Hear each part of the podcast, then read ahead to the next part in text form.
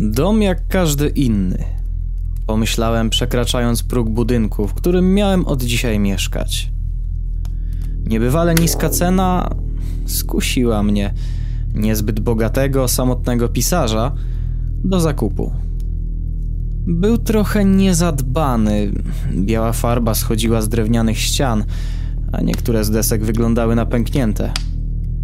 Ogród też nie wyglądał najlepiej. Kosiarki nie widział od dłuższego czasu. Trawa sięgała do połowy łydki. Stara huśtawka stojąca koło jedynego drzewa była lekko podrdzewiała. Jednak jej widok uświadomił mnie, że kiedyś bawiły się tu dzieci. Osoba, od której kupiłem domostwo, nie wyglądała na kogoś, kto posiada rodzinę. Sprzedawca młody nie był. Staruszek od razu po otrzymaniu zapłaty w gotówce wyjechał w tylko sobie znaną stronę, zostawiając mnie samego z dość dużym i pustym, zapuszczonym domem. Nie wspomniałem, że dom stał na odludziu. A, może niedosłownym, bo nie zbudowano go pośrodku kompletnego zadupia, ale wioska była mała. Jadąc po odbiór kluczy nie zauważyłem ludzi. Pomyślałem, że to starcy, nie wychodzący zbytnio z mieszkań. Porozmawiam z którymś z sąsiadów następnego ranka. Miałem zamiar zamieszkać tu przynajmniej do czasu wydania książki. Ostatnia nie sprzedała się zbyt dobrze. Kłopoty finansowe zmusiły mnie do kupna taniego jak barszcz domu. Jednakże z jednej strony to lepiej. Od ludzie pozwoli mi się wyciszyć i znaleźć wenę do pisania. Postanowiłem, że tym razem wydam bestseller. Po przejściu przez drzwi wejściowe znalazłem się w brązowym korytarzu, zauważalnie wymagającym remontu. Pomyślałem, że na wszystko przyjdzie pora. Teraz nie mam czasu i pieniędzy. Ważne, że da się tu mieszkać. Zrobiłem szybkie rozeznanie. Po chwili wiedziałem, gdzie są schody, kuchnia, zejście do piwnicy. Następnie swoje kroki skierowałem w stronę pokoju gościnnego. Pierwsze, co zwróciło moją uwagę i zwróciłoby każdego, był obraz wiszący na ścianie zaraz naprzeciwko drzwi do salonu. Przedstawiał on kobietę w czerwonej sukni. Piękna, z delikatnie zarysowanymi kościami policzkowymi i tajemniczym uśmiechem. Była ubrana w krwisto-czerwoną suknię, ciągnącą się za jej stopami. Miała w sobie coś królewskiego. Pierwsze co pomyślałem, że to jest jakaś księżna albo królowa. Podszedłem bliżej. Zauważyłem podpis autora. Czarne pismo w rogu obrazu.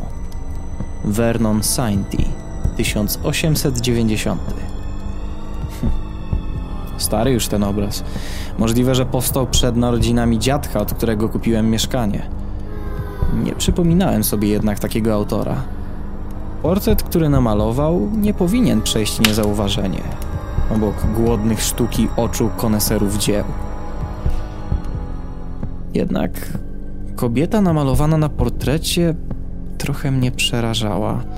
Wzrok stale utkwiony był we mnie i wzbudzało to u mnie lekki dreszcz, mimo iż znałem tą sztuczkę malarską z malowaniem oczu. Postanowiłem, że na noc przykryję ją płaszczem, aby nie przestraszyć się, gdybym potrzebował zejść na dół za potrzebą. Usłyszałem, że na zewnątrz zerwała się wichura. No, czas się rozpakować. Powolnym krokiem wyszedłem do samochodu, stale czując na sobie wzrok kobiety w czerwonej sukni, spoglądającej na mnie z obrazu wiszącego na ścianie. Wypakowując torby, spojrzałem na budynek. To nie jest jeden z tych domów, o których marzy się od dzieciństwa. Przejechałem wzrokiem po ścianach budynku. Obdrapane. Następnie wzrok skierowałem na okno od sypialni. Zamurowało mnie.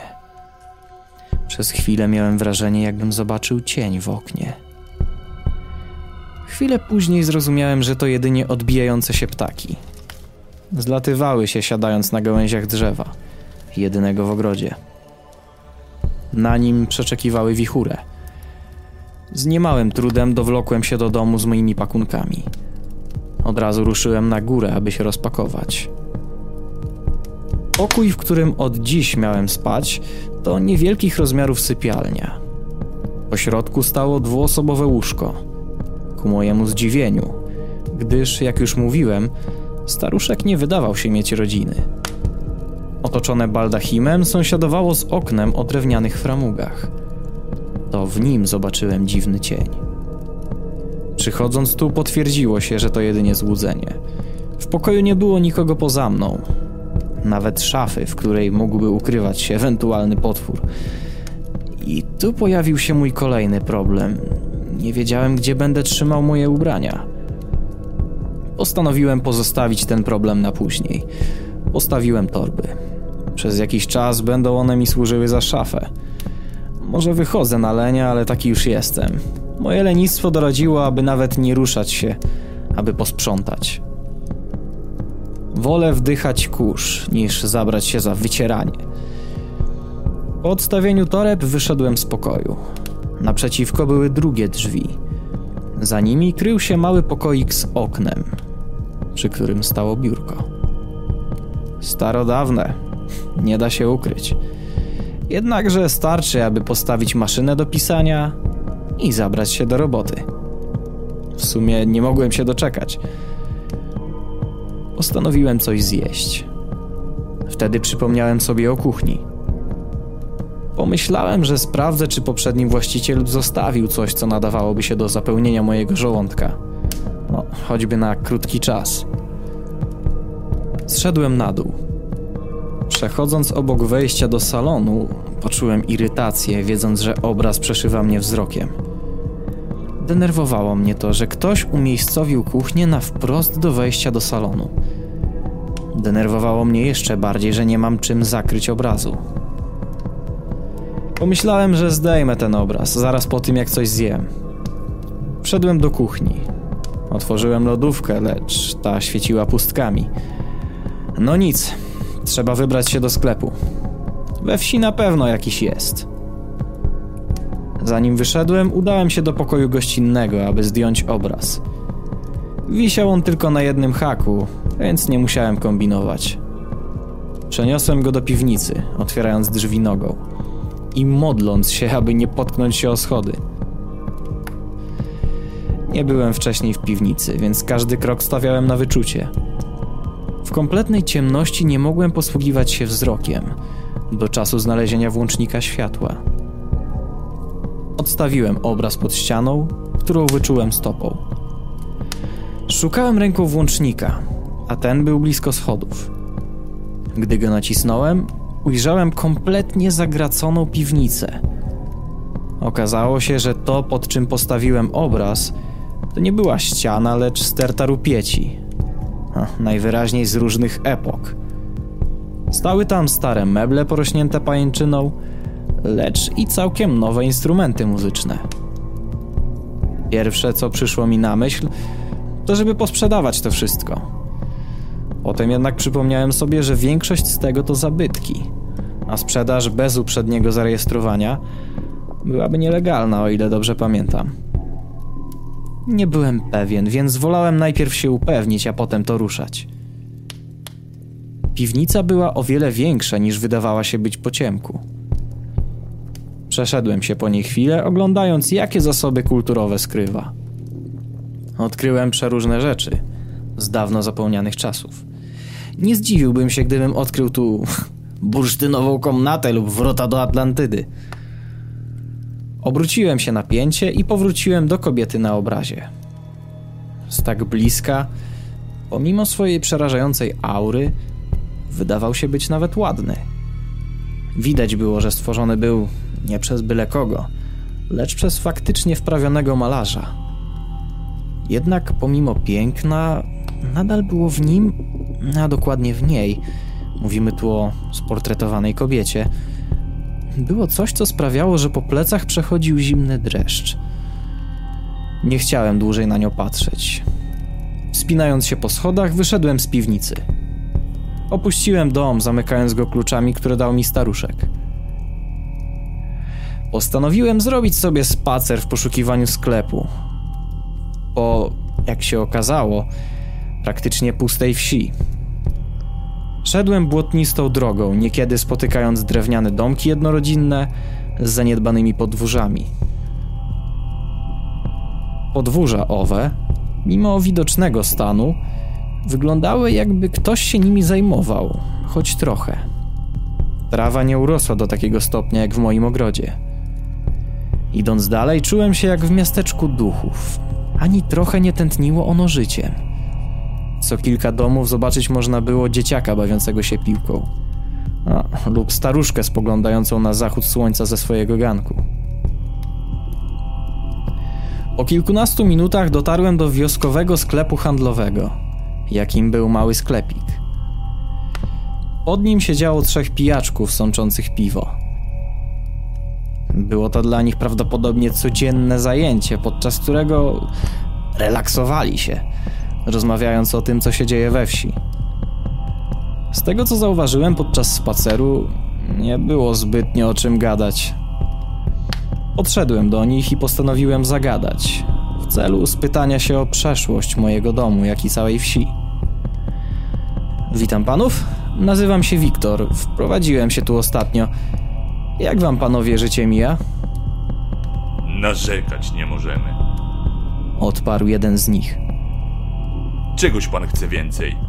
Bo my tu trochę zajęci jesteśmy. A czymże to panowie tak zajęci, że nie chcecie odbyć nawet krótkiej rozmowy? Konsumpcją. Nie widzi pan? Odparł drugi.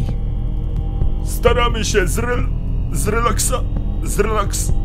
odpocząć, kuźwa! Dodał trzeci. Ale jakiś miastowy postanowił nam poprzeszkadzać. No panowie, miastowy to ja nie jestem, bo od dzisiaj mieszkam na wsi. Ale skoro nie chcą panowie pogawędzić, to nic mi nie pozostało, jak życzyć panom miłego dnia. Z Bogiem! Odparłem, otwierając drzwi do sklepu. W Boga nie wierzyłem, ale wiedziałem, że na wsi się tak mówi. Zacofane to to trochę. Pewnie ciągle Bóg im w głowie. Co niedziela do mszy świętej, zbawienia chcą, a na polu sąsiadkę obgadują. Nie lubię zakłamanych ludzi. Mały ten sklepik. No i nie samoobsługowy. Za ladą stała kobieta, koło czterdziestki. Dość pulchnych rozmiarów. Co chce? Spytała grubiańsko kobieta. Chleb, mięso, no i syrop do wody. Odpowiedziałem spokojnie. 12. Wyraźnie negatywnie nastawiona w kierunku mojej osoby kobieta prawie wykrzyczała wartość zapłaty. Czy wie pani? Ja nic nie wiem. Proszę iść, bo klienci czekają. Zauważalnie nakierowała mnie do opuszczenia sklepu kasjerka. Pomimo, że byłem jedynym klientem. Wyszedłem zatem i czując na sobie wzrok trzech przemiłych panów, wróciłem do mojego nowego domu. Czułem się wręcz świetnie z wiedzą, że miejscowi mnie tu nie tolerują. Postanowiłem się jednakże zbytnio nie przejmować. I tak miałem zamiar pomieszkać w tej chałupie jedynie przez okres napisania nowej powieści. Szybko piszę, kilka miesięcy powinno starczyć. 15 kartek dziennie to jest w miesiącu. I tak zacząłem w myślach wyliczać, otwierając drzwi zamknięte przed moim wyjściem. Zdjąłem buty i ruszyłem z zakupami do kuchni, mijając salon. Znów poczułem nieprzyjemny wzrok na sobie.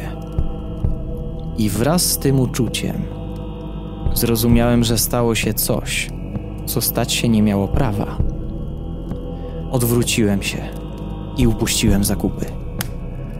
Obraz, który zaniosłem do piwnicy, wisiał z powrotem na swoim miejscu, w pokoju gościnnym. Przestraszyłem się wtedy nie na żarty. A mówiąc kolokwialnie, prawie się zesrałem.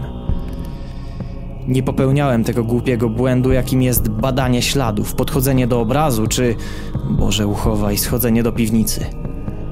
W momencie pojawienia się siły lub zdarzenia, którego nie można racjonalnie wytłumaczyć, lepiej czym prędzej opuścić to miejsce i udać się do osób bardziej zaznajomionych z takimi sytuacjami. Mówiąc tu siły nieznanego pochodzenia, mam oczywiście na myśli siłę nadprzyrodzoną, bo taka pierwsza przyszła mi na myśl. Choć zwykle jestem osobą myślącą racjonalnie i raczej nie wierzę w duchy, nie wykluczam ich istnienia. Postanowiłem jak najszybciej pobiec do najbliższej parafii. Wybiegłem w samych skarpetkach. Zabawne, jeszcze godzinę temu wyśmiewałem wioskowych za zacofanie i przesadną wiarę w Boga. A teraz sam biegnę do kościoła, nie mając na sobie nawet butów. Po chwili szaleńczego biegu odnalazłem kościół. Zapukałem, a raczej zawaliłem w drzwi. Otworzył mi starszy kapłan, wyglądający raczej na proboszcza. I zacząłem tłumaczyć.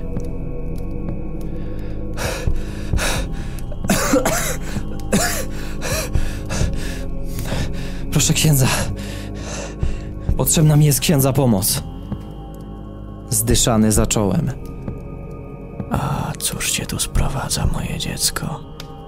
Zapytał. Nie widziałem cię tu wcześniej. Ja. Ja tu dopiero się wprowadziłem. Mieszkam w tym dużym domu.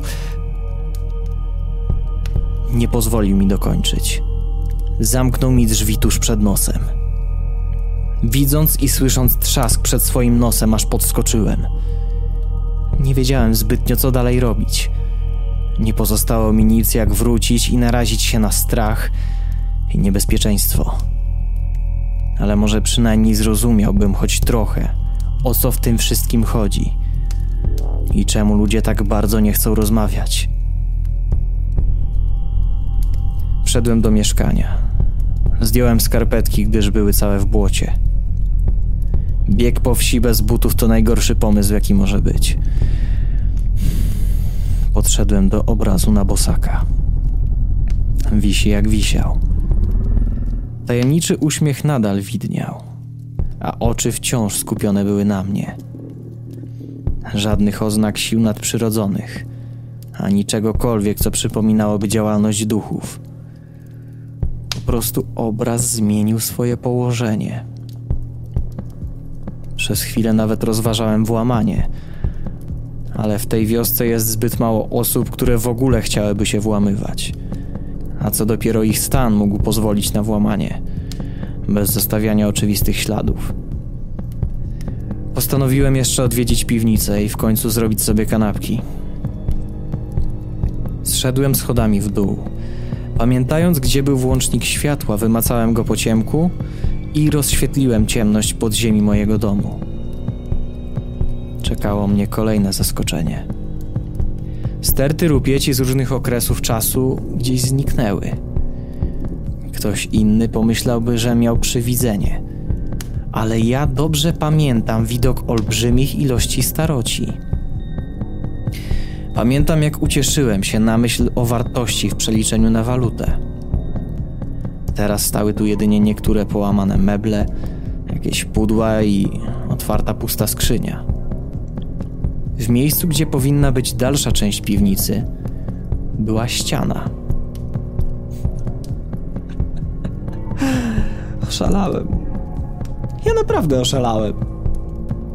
Powtarzałem sobie w głowie. Czułem się jak po ciężkich narkotykach. W głowie miałem dosłownie mętlik. Nie miałem żadnego racjonalnego wytłumaczenia na zaistniałe tutaj sytuacje. Istna paranoja.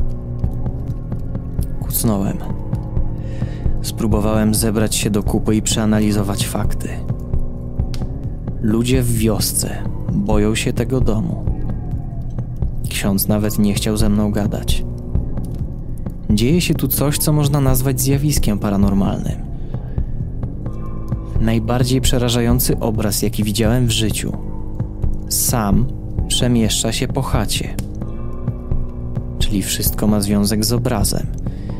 Pytanie brzmi, czy Vernon Sainty zajmował się okultyzmem? Czy może powinienem zadać sobie pytanie, co ja tu jeszcze robię i czemu nie uciekam? Druga odpowiedź jest prawidłowa. Zwijam się stąd. Zamieszkam w kawalerce, ale w mieście. Dość wsi, dość od ludzi. Mam jeszcze trochę pieniędzy. Uda mi się sprzedać dom, zanim mi się skończą. Teraz tylko przejść przez dom, przeżyć, wsiąść w samochód i uciec. A pomyśleć, że nie pomieszkałem tu nawet jednego dnia. I teraz przypomniałem sobie coś, co znacznie przyspieszyło moje ruchy. Właśnie zachodziło słońce. Jeśli szybko nie wyjadę, będę musiał się męczyć z tą upiorną chatą po ciemku. A tego nie zniosę. Biegiem ruszyłem po schodach, dopadłem do drzwi wejściowych i chcąc się wydostać, popchnąłem za klamkę. No tak, zamknięte, niczym w tanim horrorze klasy B. Ale jak widać, na czymś one były wzorowane. Kolejna opcja okno. Gdzie jest najbliższe okno? Salon. Wbiegłem do salonu i tym razem naprawdę byłem bliski popuszczenia ze strachu w spodnie. Ujrzałem pusty obraz. Kobieta w czerwonej sukni zniknęła, a na obrazie widniało jedynie tło. Tło było pokojem, w którym została uwieczniona. Teraz mogłem przyjrzeć się temu pomieszczeniu. Skądś znałem to miejsce? Czy to warzywniak w wiosce? Czy to może kościół, do którego nawet mnie nie wpuścili? Nie. Ależ to piwnica w wersji deluxe, ze starociami w ilościach hurtowych. Nie ma szans, że tu zostaję. Wybijam szybę. Szybki zamach i szyba powinna pójść w drobny mak. Tak się jednak nie stało. Szyba zachowywała się, jakby była kuloodporna. Krzesło nie zrobiło jej żadnej krzywdy. To nie wróżyło nic dobrego. Nie wiedziałem już za bardzo, co mam robić. Robiło się ciemno. Im ciemniej na zewnątrz, tym bardziej obojętny byłem na to, co się ze mną stanie. Nawet nie chciało mi się płakać. Usiadłem w kącie i beznamiętnie patrzyłem na puste ramy obrazu. Niedługo później zapadł całkowity mrok. Wtedy weszła ona. Czerwień jej sukni wyróżniała się wśród ciemnego pokoju.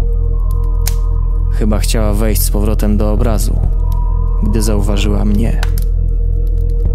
Skierowała swoje kroki w moją stronę, po czym się odezwała. Nawet nie wiedziałem, że duchy potrafią mówić, o ile ona była duchem. Właśnie cię szukałam. Jak ci się tu podoba, mój nowy właścicielu? Zapytała, uśmiechając się. Całkiem przytulnie tu. Odpowiedziałem. Mój sarkazm trwał przy mnie nieustannie, nawet w obliczu spotkania z siłami z zaświatów. Chcesz poznać prawdę? Zapytała się mnie, gasząc uśmiech malujący się na jej nieskazitelnej twarzyczce. Zależy jaką. Jedyną. Pytam się, czy chcesz wiedzieć, o co tu chodzi. W tym momencie nic innego mi nie pozostało. Zatem chodź za mną. Odpowiedziała kończąc. Ruszyliśmy w kierunku piwnicy. Chyba w tej całej sytuacji żałuję jedynie, że tak mało czasu spędziłem w sypialni, a jeszcze mniej przed maszyną do pisania. Ale przynajmniej już się nie bałem. Bo duszę ogarnęła obojętność. Zabijesz mnie? Zapytałem bez jakiegokolwiek wyrazu. Dlaczego miałabym? Zrobiłeś mi coś kiedykolwiek? Zapytała zdziwiona. Nie odpowiedziałem, tylko szedłem dalej, lekko speszony. Zeszliśmy po schodach w dół. Piwnica wróciła do pierwotnego stanu, do wersji rozszerzonej. Gdzieś pomiędzy rupieciami stała skrzynia. Ta sama, która wcześniej stała pusta. Teraz leżała w niej jakaś książeczka. Domyśliłem się, co to jest. Przeczytaj to. Nie jest długie. Poprosiła. Zabrałem się za czytanie.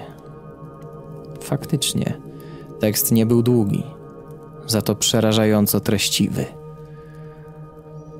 Oddzieliłem mięso od kości, zmieliłem, a mączkę kostną dosypałem do białej farby. Z krwią było ciężej, Musiałem wyssać ją przez rurkę. Do teraz czuję metaliczny posmak w ustach. Najtrudniej jednak było ze skórą. Malowanie na ludzkiej skórze to trudna sztuka, ale wiem, że tylko w ten sposób obraz odda prawdziwą Marię. Nadal ręce mi się trzęsą po tym, co zrobiłem, ale wiem, że ona nie miałaby mi tego za złe. Wiedziałem, że zawsze chciała być uwieczniona w portrecie. Teraz będzie uwieczniona całą osobą. Vernon Sainty, 1890. Teraz rozumiesz? Jak on mógł? Do dziś nie mogę mu tego wybaczyć. powiedziała Maria. To był twój mąż, tak? Zamknął cię w twoim własnym portrecie. Tak, psychol. Dobrze, że umarł. W sumie dla mnie bez różnicy. Mimo, że nie żyje, nie wiem, gdzie się idzie po śmierci. Ale miejmy nadzieję, że piekło istnieje. I on tam trafi. Nastała chwila milczenia. Nie za bardzo wiedziałem, co mam powiedzieć. To, że ktoś pomieszał części ciała z farbami, było przerażające. To było bardziej przerażające niż jakakolwiek sztuka nowoczesna. A więc, co teraz? Zapytałem. Jesteś pisarzem, zgadza się? Idź na górę, spisz całą tę historię. Chcę, żeby świat się dowiedział. Jeśli tego chcesz, zaraz zabiorę się do pracy, Mam jedną prośbę. powiedziała. Jaką? Z moich ust padło kolejne pytanie. Nie dodawaj żadnych części ciała do atramentu. Odpowiedziała z uśmiechem.